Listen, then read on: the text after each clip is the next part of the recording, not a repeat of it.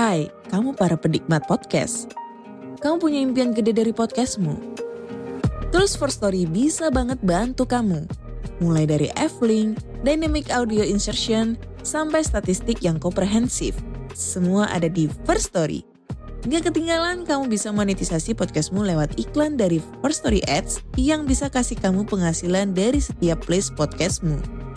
Yuk gabung sekarang dengan klik di firststory.me. Sekali lagi, klik di firststory.me. Mari kita bawa mimpi podcastingmu menjadi kenyataan.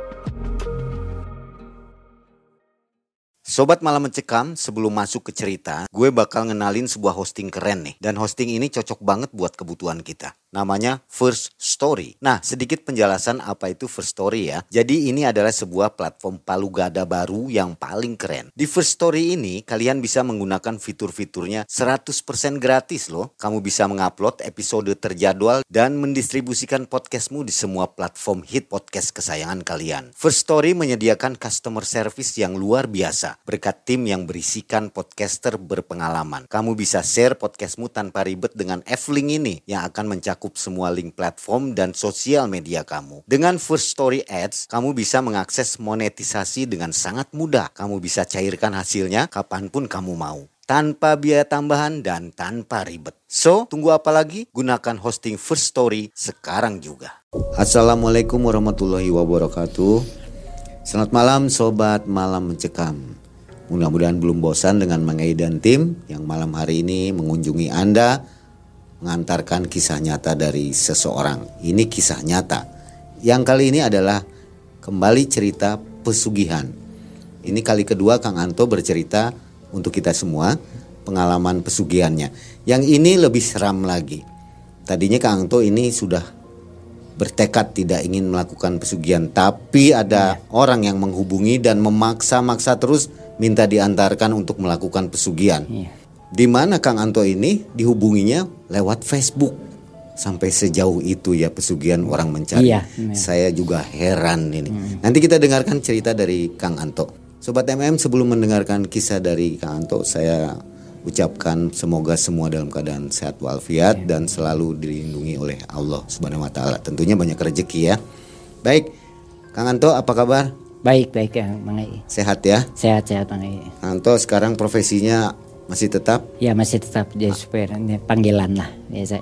supir. Ya Jadi untuk daerah Bandung, Jakarta semua gitu. siap mengantar ya? Iya. Oke, nah nanti sobat yang ingin membutuhkan jasa Kang Anto boleh nih hubungi Kang Anto ya untuk diantarkan. Iya. Kita dengarkan kisah Kang Anto tahun 2021 Dua satu. baru berarti ini. ya? Iya baru di bulan pesugihan Mulut. tentang pesugihan. Tapi catatan ini bukan untuk ditiru, Iya benar. ya. betul ya? Ini hanya berkisah mengantarkan kisah keburukannya dan jangan dijadikan pedoman, Pedoman. untuk melakukan pesugihan. Jadikan ini info dan pembelajaran untuk kita semua. Iya. Kita dengarkan Kang Anto. Silakan Kang Anto.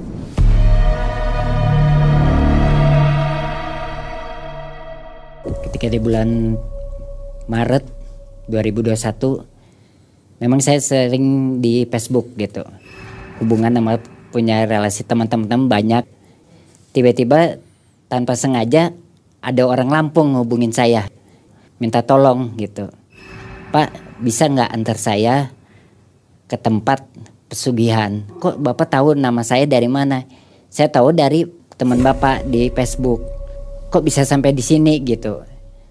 Memang ada ada masalah apa? Keadaannya mendesak. Memang kenapa? Ini soal masalah perusahaan dia hampir bangkrut. Dia mau nggak mau jalan pintas. Saya herannya kok ini orang Lampung sih jauh gini mau gitu ke ke kota Bandung Pak. Saya ini tinggal di Bandung. Mana mungkin Bapak sejauh gitu bisa ke Bandung? Gampang Pak, saya punya ongkos cukup untuk untuk ke tempat gituan, tapi saya minta tolong Pak anterin saya.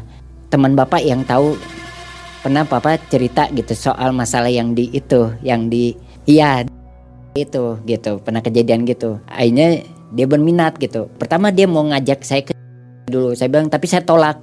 Saya udah nggak mau gitu, udah nggak mau, udah udah gimana ya? Trauma saya bilang. saya nggak mau kejadian kembali lagi semula gitu. Saya mau dipinta lagi anak saya saya nggak mau. Akhirnya lebih baik bapak mau taunya mau di mana saya tanya. Dia bilang ada di gunung saya taunya tuh dia di gunung ah ya udah nggak apa-apa kalau memang bapak mau ke sini. Tapi saya mah nggak mau ikut-ikutan pak. Saya bilang saya nggak mau ikut-ikutan masalah bapak. Endingnya sih pertama dia hanya butuh untuk mengantar aja pak gitu. Mengenai ngantar aja ke sana gitu. Hanya pas saya tanya bapak naik kapal naik kapal terbang aja gitu. Turun di bandara Jakarta tolong ntar jemput saya. Aduh pak saya nggak punya ongkos saya bilang. Yaudah pak nanti saya transfer deh uang. Transfer uang bapak naik bis. Jemput saya di bandara Soekarno di Land 3 bandara. Udahlah saya berangkat ke sana. Bener kang. Ngai jemput dia datang. Maksa itu kang maksa gitu. Akhirnya kita ketemu di bandara ngobrol sebentar mungkin ada sekitar setengah jaman lah. Akhirnya saya tahu gitu daerah gunung. Tahu gitu oh tahu gunung. Ya udah dah saya coba. Saya mah hanya jasa nyupir gimana nih caranya uh, pinjam mobil rental ada nggak pak? Saya bilang kalau di Bandung ada. Saya bilang bapak ngobrol sama si rentalnya saya masih tahu sih orang yang punya mobil rental saya jasa nyupir aja. Bapak per hari berapa? Kalau saya sih nyupiran terserah bapak deh mau ngasih 200 mau 300 itu terserah gitu saya bilang. Hanya ending saya mah hanya untuk ngantar bapak aja. Tapi entah kenapa pas nyampe ke Bandung ke rumah saya Pak saya bisa ketemu ke teman bapak nggak?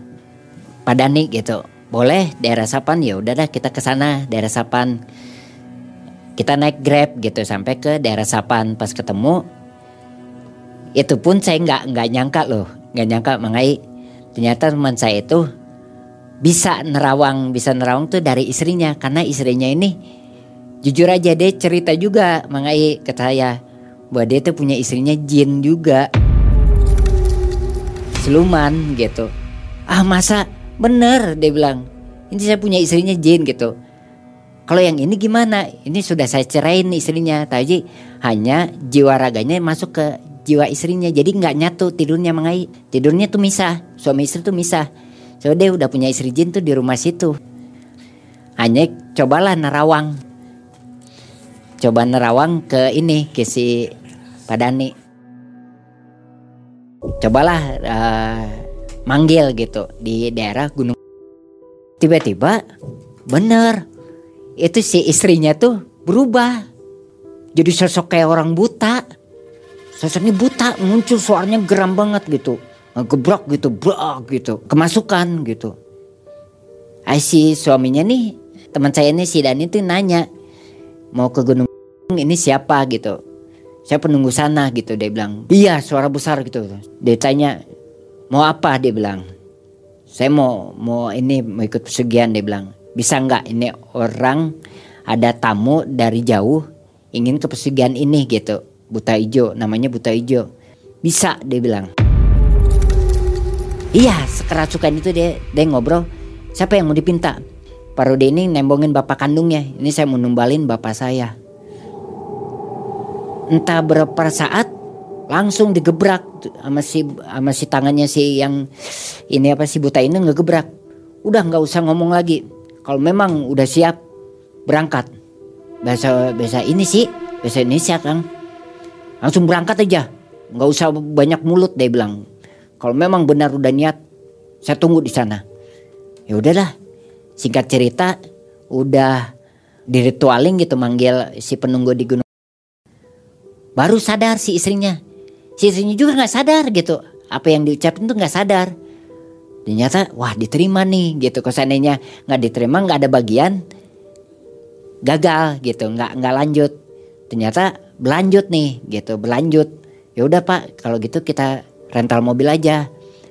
Tah pikiran saya tuh mungkin yang yang saya pikir dia sendiri yang maju kang. Ternyata dia ngobrol ke pak ke si ini Pak Dani minta tolong. Sebenarnya saya juga takut. Di gunung ini takut juga. Dia bilang untuk majunya bisa nggak Pak? Saya punya modal. Dia bilang saya punya modal. Bantu saya juga. Siapa sih yang mau berani juga? Gitu. Bisa nggak sih Pak? Pak Anto ini maju juga. Gitu. Bantu saya juga untuk ya endingnya masuk pesugihan juga. Gitu. Ke pesugihan buta hijau aduh saya kaget di situ. Gimana? Gitu karena udah terlalu maksa kang. Nih orang si orang Lampung ini. Lah kok saya maju juga? Saya bilang saya takut pak sendiri. Gak apa-apa lah duduk untuk berapa meter juga. Yang penting saling bantu pak saya bilang. Biar saya yang modalin bapak gitu. Aduh saya nggak tahu modalnya berapa sih saya nggak tahu. Hanya saya nggak tahu ya mau berani atau mau ikut atau enggak saya nggak tahu gitu.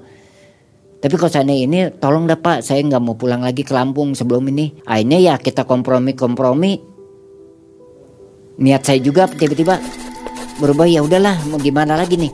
Sekarang kalau kita gagalin nih orang nggak mau pergi. Mau gimana gitu? Kita gagal kan? Gagalnya suruh ngusir juga nggak bisa gitu. Nih orang udah datang jauh-jauh nggak tahu ke Bandung baru pertama kali ke Bandung kang ini teh itu di rumah di teman saya di rumah Pak Dani gitu teh di rumahnya. Akhirnya saya pulang dulu kan ke ke ke ke rumah dulu. Saya siap-siap subuhnya saya berangkat ke sana. Ternyata datang rental tuh jam 7 jam 7 pagi. Akhirnya kita berangkat.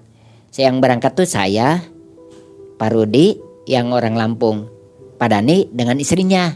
Tah ketika kita berangkat pertama kali yang paling saya heranin ini mobil Avanza Veloz baru lagi. Kok mogok-mogokan terus? Ntar aneh gitu. Si mesinnya tuh mogok gitu. Itu udah ada jalan enak. Pertama jalan normal gitu tapi kok tiba-tiba baru nyampe Malambung udah berhenti. Udah waduh mati lagi nih kenapa? Akhirnya kita cari bengkel gitu. Coba nyala mati nyala mati. Akhirnya ke bengkel lah. Tak agak telat kang. Di sana tuh kita kan ke bengkel hampir dua jaman lah. Kita ngebenerin ternyata dia bilang ada di bagian apa sih? Ada yang keganjal dia bilang. Ada yang nyelip. Jadi harus dicongkel dulu gitu. Ya udahlah kata si bengkel sih kita nggak tahu masalahnya apa. Kok aneh saya juga kok jarang-jarang biasanya berangkat nggak ada kendala ini mah ada kendala. Satu saya udah mengalami gitu. Akhirnya selesai itu kita nerusin perjalanan. Terus ngobrol dia pak kalau sampai di sana saya bilang bapak harus naik kalau bapak udah nekat harus bener-bener nekat pak. Saya bilang ini jangan sampai main-main sebab kita kan bukan main-mainan gitu. Tempat gini teh saya juga takut ngalamin pernah ngalamin trauma gitu kan kalau kita gagal resikonya jangan sampai kabur kalau kabur ini di gunung bisa masuk jurang saya bilang bisa bahaya total ya pak saya janji saya mau maju aja terus masuklah daerah Majenang dari Banjar ke Majenang antar sekitar sejam setengah nah Kang. Ta, pas nyampe di pabrik ini gula. Di situ saya apal, masih apal jalannya tuh mengkol. Akhirnya saya mengkol gitu. Pas saya ini uh, ke atas ini gitu ke atas. Si Pak Rude ini nanyain Pak ini kita ke gunung tuh berapa jauhnya sih? Nyampe lah dua jaman saya bilang lah kok jauh banget. Ini kita ngelewatin lima desa, lima kampung. Bukan deket, ini pun mudah-mudahan aja jalan ini bagus. Kalau jalannya rusak kita kendala lagi musim penghujan begawat juga nih gitu. Kita udah deg-degan nanti. Belum nyampe baru satu kampung kita udah kendala satu lagi kedua kejadian. Mogok mobil. Yang bikin mogok itu kan angin gede Kang. Itu tiba-tiba angin gede aja kerasa. Kayak orang gak mau nerima Kang. Entah nggak mau nggak tahu nggak tahu apa sebabnya gitu. Pas nanjak kok angin gede gede gede berhenti mobil mogok. Kaget kan gemuruh angin tuh keras. Itu segitu nggak hujan kan nggak hujan. Itu angin gede gitu gede gitu. Itu empat kali kejadian gitu pas yang terakhir yang saya apal tuh yang saya apal tiba-tiba ada mobil pas kita nanjak bisa berhenti seperti ada batu. Bongkahan batu jatuh kelindes mobil. Tapi pas kita lihat nggak ada di ban. Di si ban tuh nggak ke ganjel batu yang jatuh itu kang. Nggak ada. Aneh gitu kok kayak orang ganjel. Ya udahlah kita nggak berpikir negatif gitu nggak tahu masalahnya apa gitu ya udahlah sampailah di gunung di atasnya tuh kaki gunung kita jalan kaki kayak ada mungkin 6 meteran 7 meteran lah ke rumah juru ternyata juru kuncinya nggak ada adanya istrinya gitu Pas ternyata nggak lama tamu banyak. Waduh tamu banyak gini gitu. Pas kita kan udah beli sesaji Kang, sebelum kita berangkat tuh udah tahu sesajinya apa gitu. Rame pas kita nggak tahu sih lagi kenapa rame itu kan kita nggak nanya gitu kan. Ternyata pas nggak lama datang juru kunci gitu, juru kunci. Pertama nyapa ke si tamu-tamu yang lain dulu sebelum ke kita.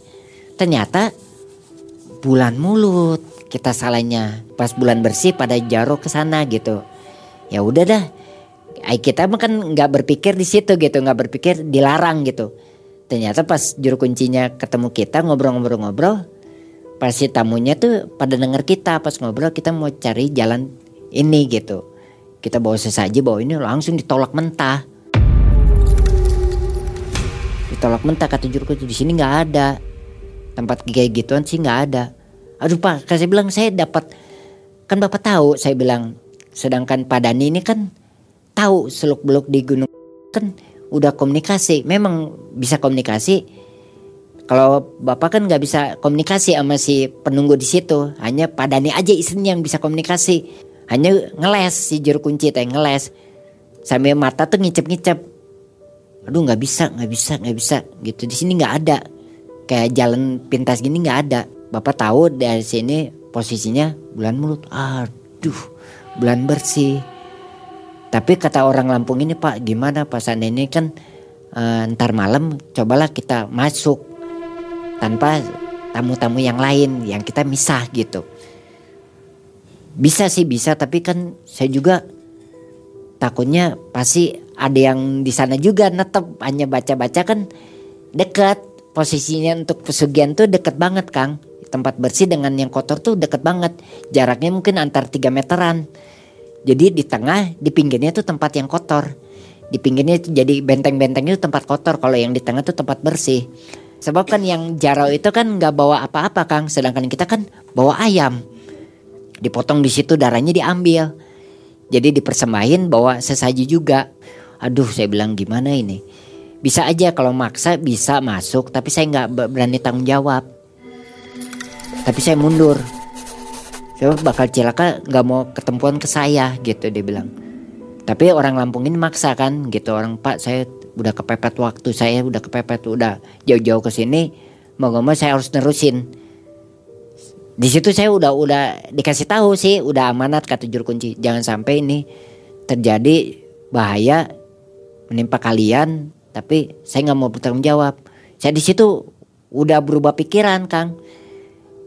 Udah berubah pikiran karena saya diajuin juga maju. Tapi karena bulan bersih bakal bahaya bakal nggak nerima. Endingnya ntar bisa nyelakain kita. Tapi ini orang Lampung kan maksa Kang. Maksa akhirnya ya udahlah. Pas jam 8 kita masuk. Jam 8 malam tuh kita jalan kaki Kang. Ya diperbolehkan. Baru jalan aja udah kerasa Kang. Udah ada bayangan tuh banyak. Banyak tuh udah kayak udah bayangan putih tapi gitu tuh kang nutup nggak boleh.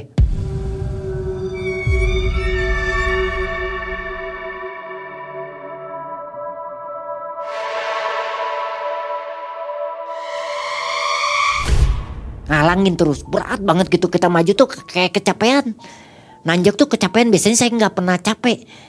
Kok nggak seberapa gitu ya tanjakan ini gini. Kok capek banget gitu saya kayak orang berat gitu badan tuh mau naik ke atas tuh berat banget nggak nggak nerimain gitu. Heeh, hutan. Itu mau hutan naik ke gunung itu hutan jalan setapak. Itu berat banget kang. Kerasa juru kunci juga udah berat gitu. Aduh ini berat banget godaannya berat. Mau diterusin nggak? Orang Lampung ke ke nerusin. Akhirnya tiba-tiba entah kenapa gitu juru kunci ada ada firasat gitu ngasih tahu lebih baik pulang. Kalau nggak dimunculin satu makhluk yang bikin orang bikin takut gitu. Akhirnya dikasih tahu lah kita gitu. Pak, sebenarnya kita saya juga nggak mau ngantar bapak mau nerusin tapi lebih baik kita batalin. Ini orang Lampung ke ke Pak ntar nih terakhir saya nggak akan masuk ke benteng ini.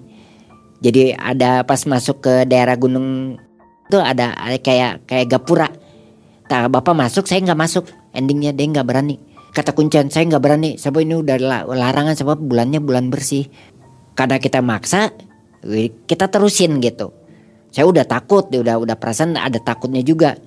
Ini apa nih makhluknya yang muncul nih? Saya takut nih. Naik ke atas sama si juru kunci tuh bawa adiknya adik juru kunci. Pas sampai di gapura kang aduh itu benar jam 8 malam tuh benar-benar juru kunci mundur. Mundur selangkah silakan masuk. Saya nggak berani masuk. Sebab saya udah dilarang gitu. Waktunya bulan mulut.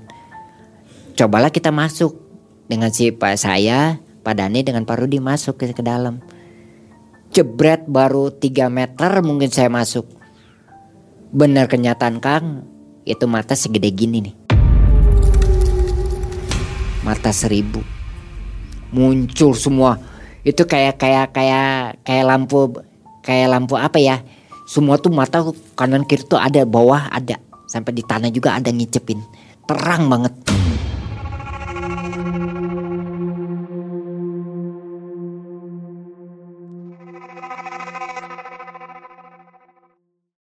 Kata juru kunci saya baru ingat, gak usah dijawab lari.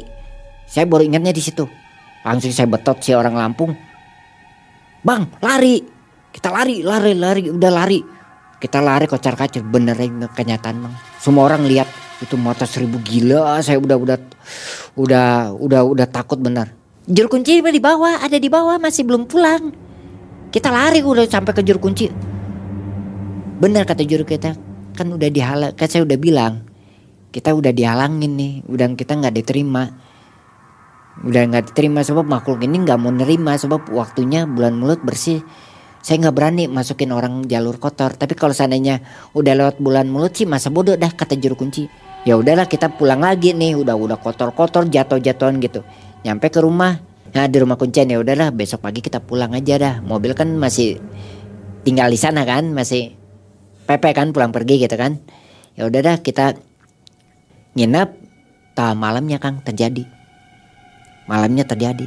Kerasa angin gede kan? Kerasa angin gede pas ada juru kunci kan kerasa tiba-tiba pak kok ada angin ada gede ini ada apa? Gak tahu nih tiba-tiba ada apa ya? Dia bilang. Dia coba nih ritual gitu kan manggil pakai kemenyan manggil. Bener ada suara geram. Didatengin gue buta ini tamu salah masuk dia bilang salah masuk. Bukan waktunya dia masuk hari ini dia bilang.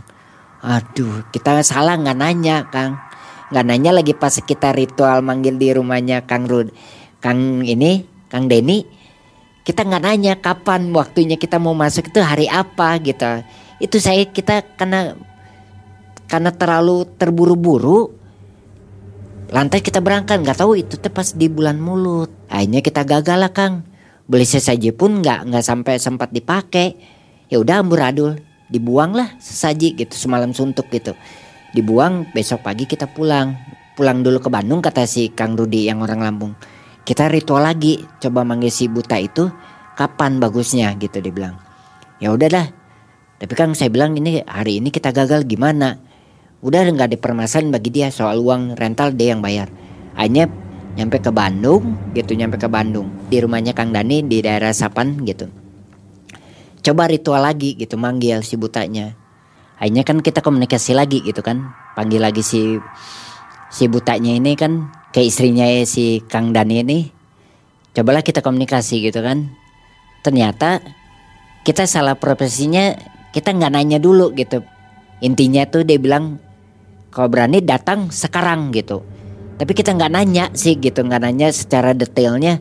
Sekarang tuh kapan gitu kapan mau berangkatnya hari apa baiknya apa hari apa gitu so bisa komunikasi ketemu langsung gitu sama dia gitu di gunung. Ya udahlah akhirnya kita kan gagal gitu kan. Akhirnya kita bisa bisa sama si Kang ini si Kang Rudi. Dia pergi ke Blitar. Saya pun ya udahlah hilang kontak lah gitu. Coba kan syukur saya nanya-nanya aja di Facebook gitu kan.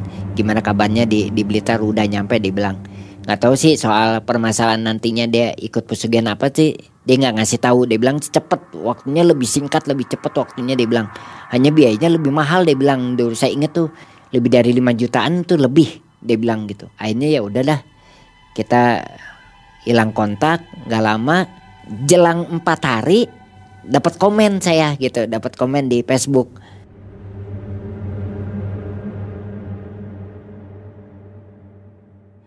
Ingin ketemu seorang namanya ini Kang Aldi lah si Aldi nih. Orang Cianjuang Bandung. Kang bisa nggak ketemu saya di Bandung? Saya ingin ngobrol deh bentar. Penting banget dia bilang. Ada apa?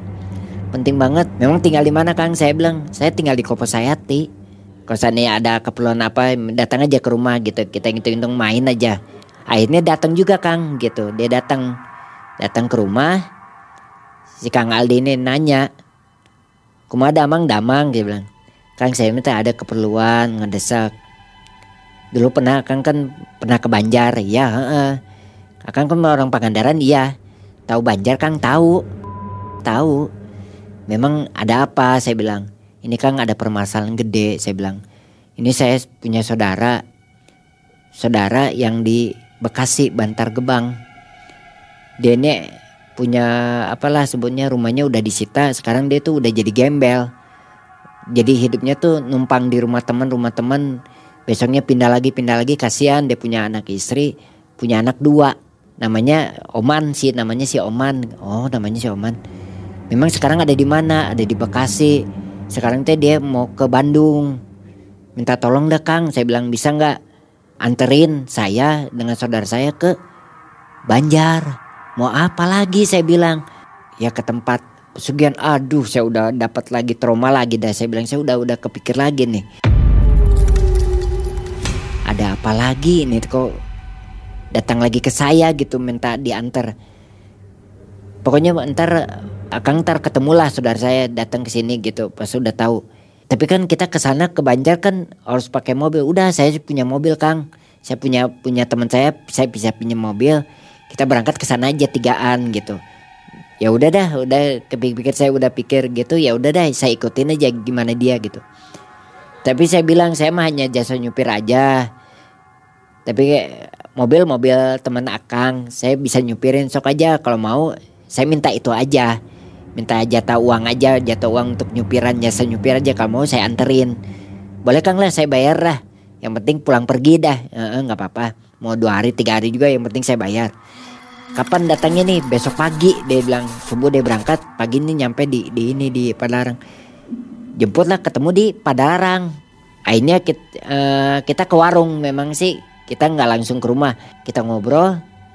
Saya tanya dulu ada kejadian apa? Memang lagi keadaannya lagi terdesak.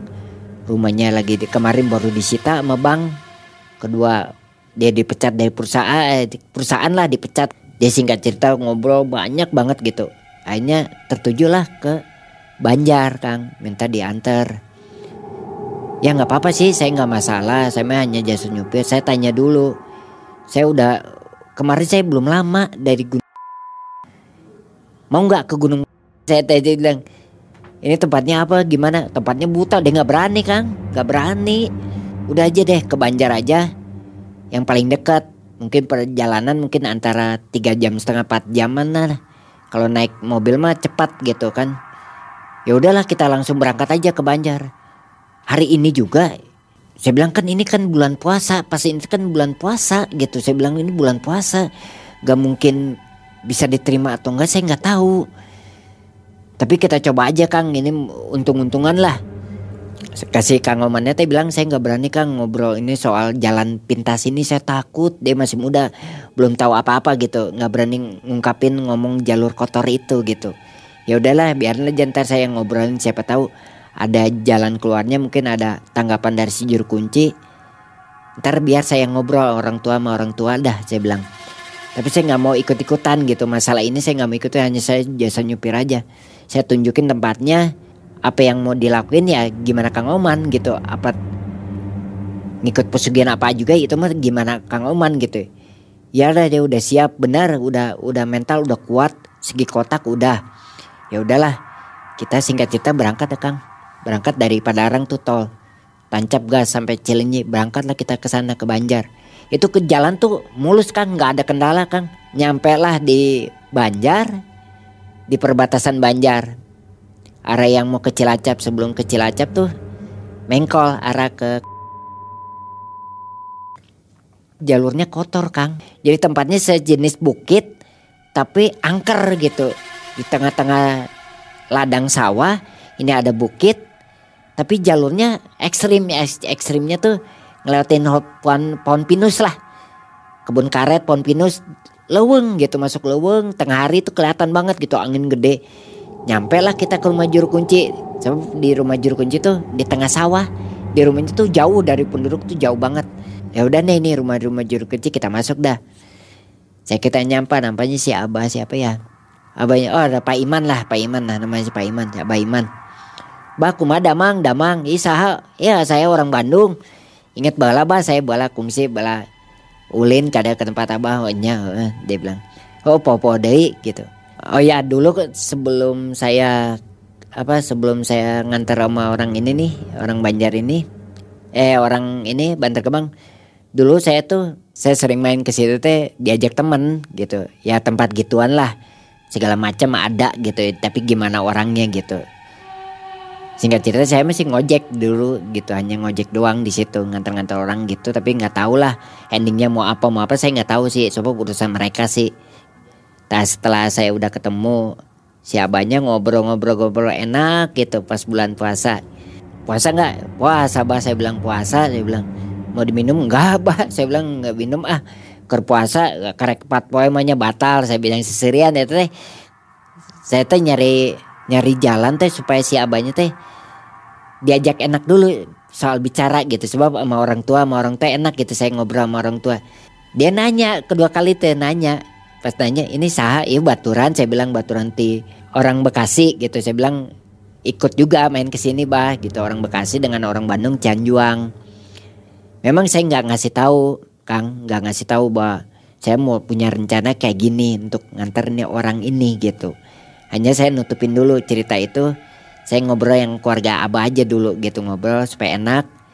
Enak-enak bicara di situlah saya cut omongan itu. Bah saya ada penting nih bisa nggak ngobrol duaan dulu dengan abah? Kita ke kamar deh. Gitu. Di mana? Terserah mau di kamar mau di luar boleh bah. Ya udah di kamar aja dah. Memang ada apa? Ada penting sih bah. Dia bilang ada acara khusus lah untuk ke tempat abah teh ada. Ah, maksud lah maksud untuk ngantar dua orang ini gitu saya bilang. Ya udah dah kita masuk ke kamar. Tadi situ si abah nanya memang ada apa? Dia bilang. Ini bahasanya sih saya ke sini teh bukan main doang mbak ini teh ada kepentingan ya ada orang Bekasi dia mau nyari jalur pintas tapi pak pajur kunci saya bilang bah bisa nggak masuk saya bilang ada nggak gitu pesugihan jalan pintas teh masuk nggak ke bulan puasa gini gitu sebab ini udah kedesak gitu udah kedesak banget nih lah kata siapa dia bilang? Kata siapa bulan puasa nggak bisa ritual? Hah? Saya kaget di situ kan. Kaget banget. Emang bisa gitu bah? Mau jalur mau bulan puasa, mau bulan mulut, mau bulan apa juga bisa masuk. Silakan aja. Tapi gimana orangnya? Berani nggak gitu? Udah masuk ini jangan sampai malu-maluin orang gitu. Dia bilang malu-maluin baru masuk dia udah lari terbirit-birit gitu. Nah di situ sing uh, saya nanya, bah sebenarnya kalau di ini teh penunggunya siapa sih bah gitu? Oh namanya ibu penunggunya. Itu jalur pintasnya apa aja sih bah?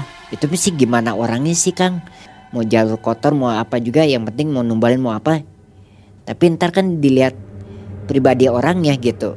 Berani enggaknya ntar ditanya. Ya udah dah. Eh, sekarang siapa yang mau maju tuh yang anak muda saya bilang itu bah yang yang nggak jangkung pendek-pendek nah itu anaknya itu si Kang Aldi itu yang saudaranya yang modalin gitu yang mau modalin tapi saya tanya bah yang modalin dengan yang nganter ntar kena efeknya tuh bah saya bilang. Ya mual tuh mual kena efeknya dah yang bersangkutan. Sebenarnya gini bah sebenarnya sih gini bah. Saya juga ditawarin juga bah gini ku si Kang Aldi teh. Suruh maju ikut ritual juga. Oh berarti lain nih sorangan lain jeng saya oge. Dimodalin kumanena ngantenya kan bah. Modalnya berapa? Akhirnya kan saya nggak tahu niat sih nggak mau bah. Saya sih nggak mau niat. Kan ini orang mau modalin so, takutnya nih takut dia ketakutan gitu. Ketakutan maju sendiri. Tapi ada takutnya nggak sih bah? Di bukit ini ada ditakutin nggak gitu? Kegodanya nggak ada dibilang. Hanya sosoknya perempuan. Ibu muncul nanti ibu nggak ada sosok kayak kayak gundurwo atau apa gitu kayak pocong. Nggak nggak akan ada. Paling sedikit suara angin gede suara angin suara maung. Yang kedengar nantinya itu baru muncul. Ya udah dah keluar dari kamar ding si abah teh. Bah tah iya saya tunjuk tah bah iya namanya si Oman. Nah ini yang siap maju. Namanya Kang Oman ya hmm, Kang Oman. Wadalna teh poe minggu dia bilang. Wadalnya minggu dia cerita gitu. Benar nekat nekat. Udah beli sesaji aja siapin aja. Tak iya eh catatanna ya sesaji nak dibelikan nih padeli Kang. Aduh modalnya Kang lumayan. Jadi harganya satu tuh 1,6 beli sesaji satu orang. Nah, totalnya sesaji. Berarti kalau seandainya duaan berarti kan 3 juta. Ternyata saya tanya Kang ya Kang mau modalin saya dengan saudara Kang. Sanggup nggak modal segini? Aduh saya duitnya pas-pasan eh alhamdulillah saya udah plong nih. Plongnya udah deh Kang gini aja deh. Tutup poin dah saya bilang. Modal akang hanya sedikit nih pas-pasan untuk kita pulang juga. Maju salah satu. Tapi saya nggak mau maju. Saudara akang yang butuhkan man maju aja man ya sendiri. Saya nggak akan maju sebab modal pas-pasan nggak bisa. Kalau dipakai sesaji untuk berdua nggak bisa kata si panjur kunci nggak bisa. Ini untuk satu orang khusus satu orang. Jadi beda beda antar jurusannya beda-beda karena mungkin karena udah hampir terlalu sore mungkin sekitar jam empatan kita ngobrol deh Waktu kan mepet Kang. Takutnya tukang sesaji di pasar Banjar kan tutup. Ya udahlah kita minta bantuan si abahnya minta minta tolong pang beliin sesaji. Akhirnya nambahin 100 ribu Kang gitu ya. Pakai ojek. Pakai ojeknya dua orang ojek. Suruh beli sesaji. Bener Kang, nggak lama tuh setengah jam dapat sesaji semua.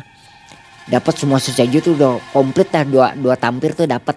Udah dapat jam 5 kita udah udah hampir maghrib nih hampir maghrib. Saya bilang bantar kalau masuknya jam berapa jam 7 aja ntar jam 7 kalau udah orang-orang udah pada nggak lewat sampai jalur utamanya deket kang. Di dengan jalur utama tuh deket jaraknya tuh setengah kilo dari rumah juru kunci. Jadi kita jalan kaki jalan utama jalan raya jalan kaki bawa tampir tuh. Jadi bawa bekal untuk sejarah itu jalan kaki ke bukit gitu deket banget gitu. Jam 7 malam itu kita kita nganterin. Sama sama si Kang nganter si Kang Oman dengan juru kunci ke atas. Kita duduk di belakang. Juru kunci doaan maju gitu. Pas udah proses setengah delapan proses. Mulai dah proses gitu proses pemanggilan biasalah tempatnya masih tanah gitu tapi ada ada ininya gitu ada batu-batunya gitu kayak kayak batu-batu gede enggak di luar di luar aja itu mah di bukit di tengah bukit aja jadi ada pohon-pohon gitu, pohon-pohon di tengahnya gitu. Kita di situ ritualnya nggak di gua. Ada batu dua gitu di situ. Ritual kita duduk di belakang. Setelah selesai manggil di dikasih tahu gitu. Man duduk di sini. Nanti kalau seandainya ada suara angin gede, dia bilang ada suara maung, itu pertanda bakal datang. Tapi kalau ada rezekinya kamu masuk ke sini, tapi kamu dia bilang ada rezekinya gitu. Ya udahlah syukurlah kalau ada rezekinya. Bah saya bilang kalau ada rezekinya si Oman ketemu sama penunggu ini syukurlah saya bilang ada ada bagiannya. Ya udahlah kita turun nama juru kunci tigaan turun nih ke rumah juru kunci. Udah malam mau pulang tanggung gitu gimana ya mau pulang bah mau pulang aja gitu bah ya mau pulang pulang aja berarti tinggalin aja teman kamu gitu tapi tanggung bah kalau seandainya malam ini berhasil kita bisa pulang pagi gitu Oh, gitu juga cek siapa nggak bisa nentuin sih waktunya ini. Akhirnya ketemu juga Kang. Itu kerasanya tuh pas kita jam 9 tuh kerasa. Jam 9 malam tuh di rumah si juru kunci entah ada empat kelawar kecil banget. Itu muter. Wah terus muter di dalam ruangan. Saya kaget siapa. Ini ada apa gitu? Ini kelawar muter ya. Gak mau digebah juga gak mau pindah-pindah itu teh. Itu sampai jam 11 Kang itu teh. Muter terus ya kelawar teh. Kita kaget kan mau tidur. Nggak bisa tinggal kelawar kukulin. Muter terus dalam ruangan. Ini aneh gitu kata bah cara biasanya ini cepet banget gitu. Dia biasanya kalau ada ada tamu tuh biasanya suka ngasih lapat gitu kata si juru kunci ini mah ngasih lapat ya menaik kelawar empat gitu. Eh bener kang bener nyata itu mah. Yang disebut empat itu kelawar teh ibu tiga penggawanya datang perempuan semua. Datang malam itu di di bukit ini datang. Ke si Oman tuh datang. Iya sinyalnya datang bener. Kita sih nggak tahu kang itu maksudnya apa gitu. Tapi ada kayak kira komunikasinya mungkin hampir jam setengah satu. Itu si Kang Oman teh turun Uh, turun sendiri sebab kan aksesnya tahu deh. Langsung kalau sana udah selesai langsung pulang aja ke rumah juru kunci. Dia turun. Jalan nyampe ke rumah kita kan belum tidur gitu kan. Eh nggak lama. Dia masuk. Kan aneh kang. Kelawar keluar kan. Aneh keluar langsung set. Kan aneh. Gitu saya bilang aneh kok man gimana man? Man gimana? Pas datang ya ke rumah si abah ditanya man ada apa yang didatengin di sok ceritain ntar kuaban ntar ditelusurin gitu. Maksudnya apa apanya ntar dikasih tahu. Pas dia datang ke situ nggak lama antar sejam setengahan lah. Dia bilang antar sejam setengahan ada angin gede ada suara maung tapi nggak kedenger ya. Dia bilang ada suara maung gede banget gitu suaranya tuh keras banget. Tapi nggak kedenger di tempat kita pun nggak kedenger gitu nggak kedenger suara maung gitu nggak ada. Kang Oman nanya bilang gitu ke siapanya bah Gimana pas jam setengah tuh datang empat perempuan cantik satunya tuh bidadarinya satu.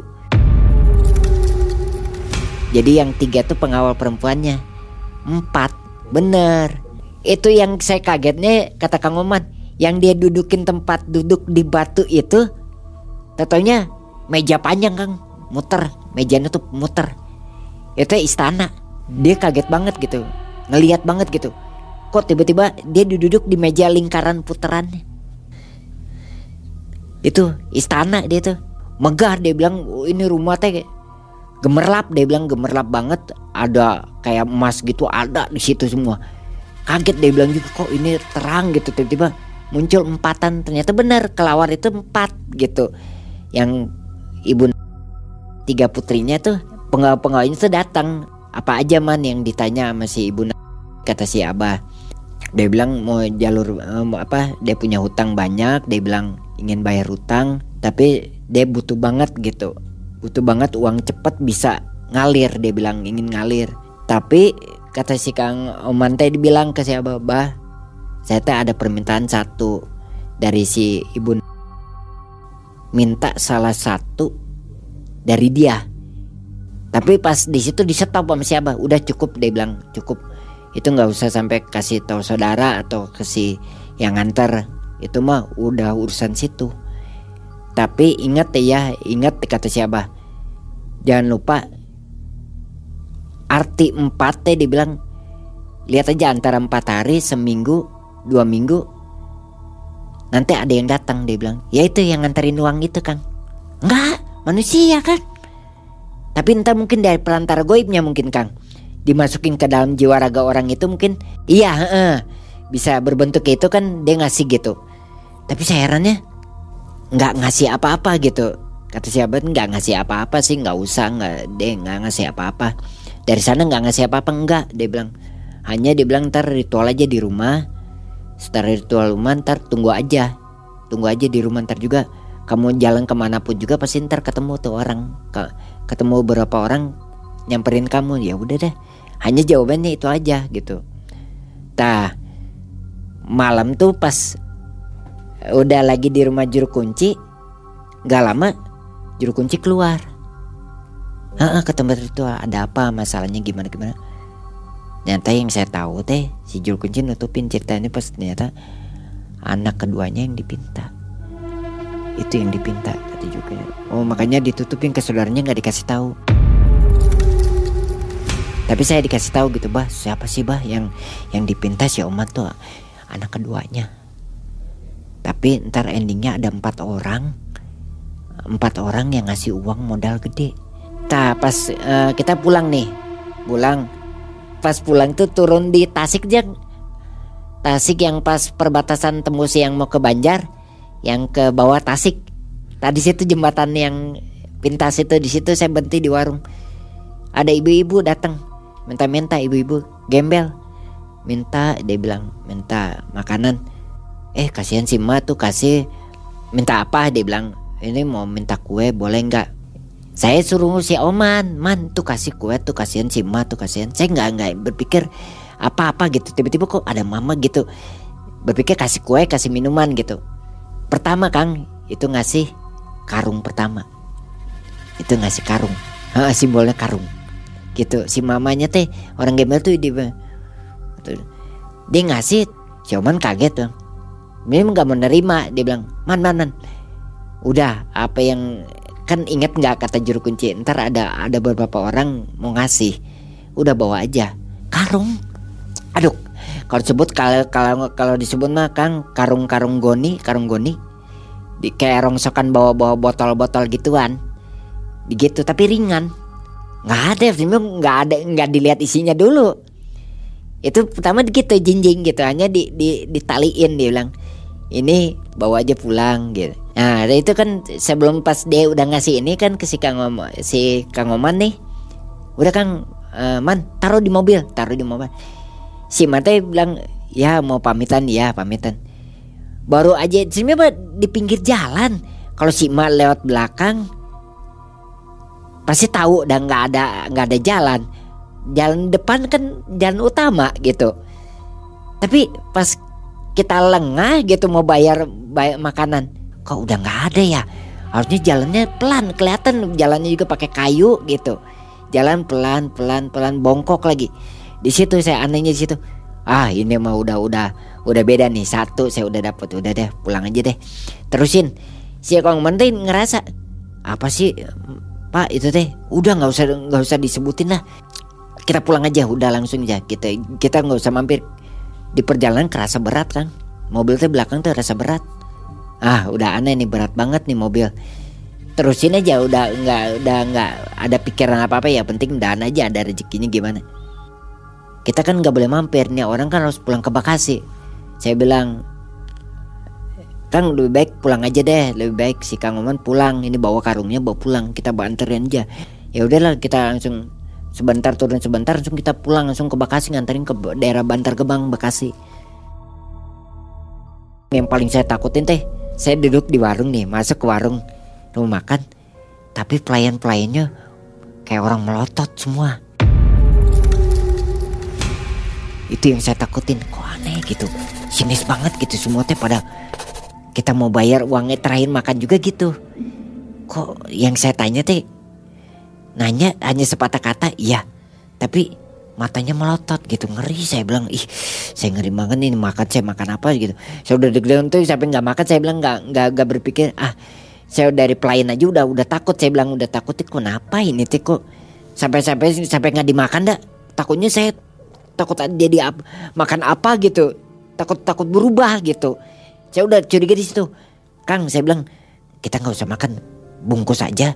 Takutnya saya takutnya makan apa gitu.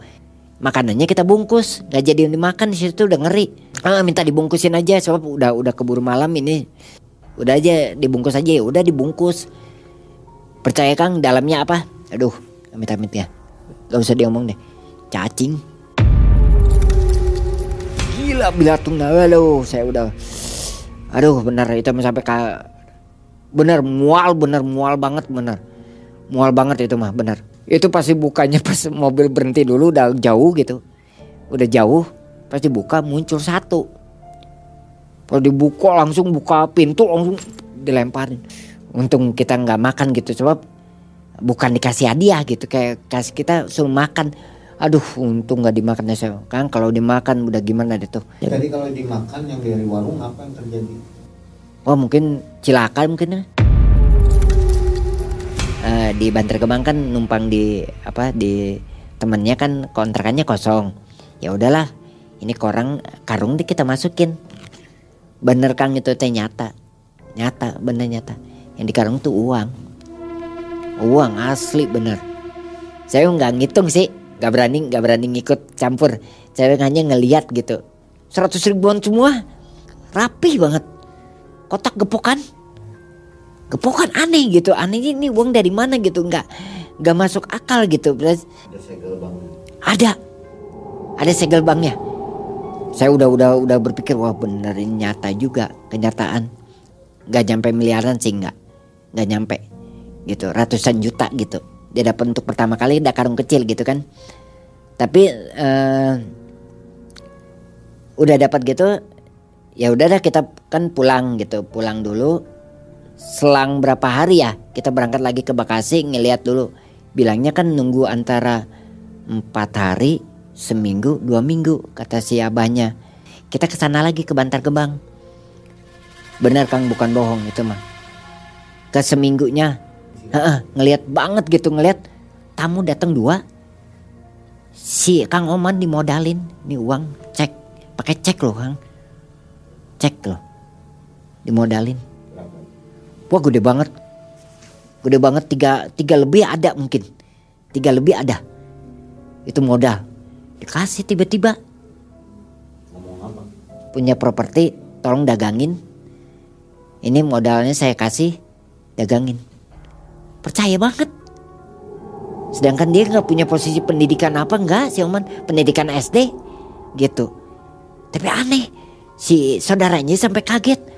Sampai kaget gini aja nggak ulang seminggu tak bener datang eh kecelek. Dua minggunya kenyataan. Uang tuh Heeh, datang lagi. Eh dagangan dia Waduh kayak orang kayak sekampung bener-bener datang tuh banyak yang beli tuh bener-bener. Entah kenapa kayak orang itu rumah segitu saingan ada gitu.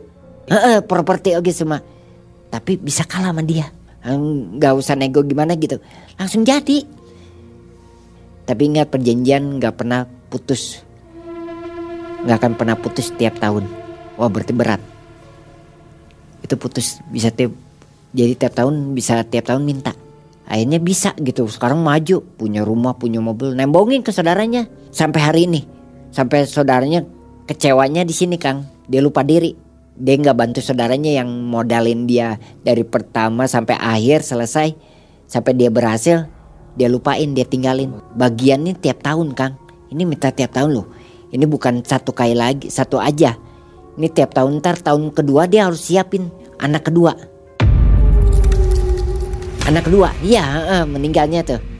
Anak kedua meninggal. Gitu. Itu jatuh dari mana? Dari sepeda. Kejadiannya jatuh dari sepeda. Tantar kan tahun ke depan saya nggak tahu nih. Kejadian apa yang dipentas saya nggak tahu. Saya udah perjanjian gitu.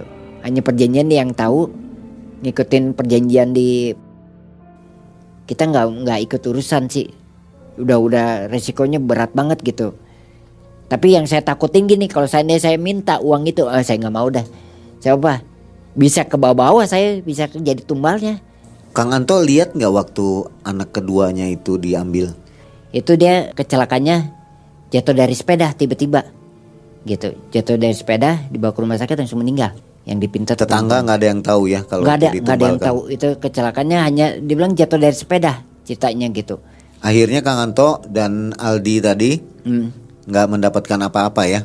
Iya saya sih nggak nggak minta. Mungkin saudaranya yang minta. Tapi setelah dia coba ngehubungin apa si Oman ternyata dia udah nggak ada di Bekasi. Dia kabur. Jadi dia hilang jejak. Nomor kontak nggak bisa dihubungin nggak bisa dihubungin lagi.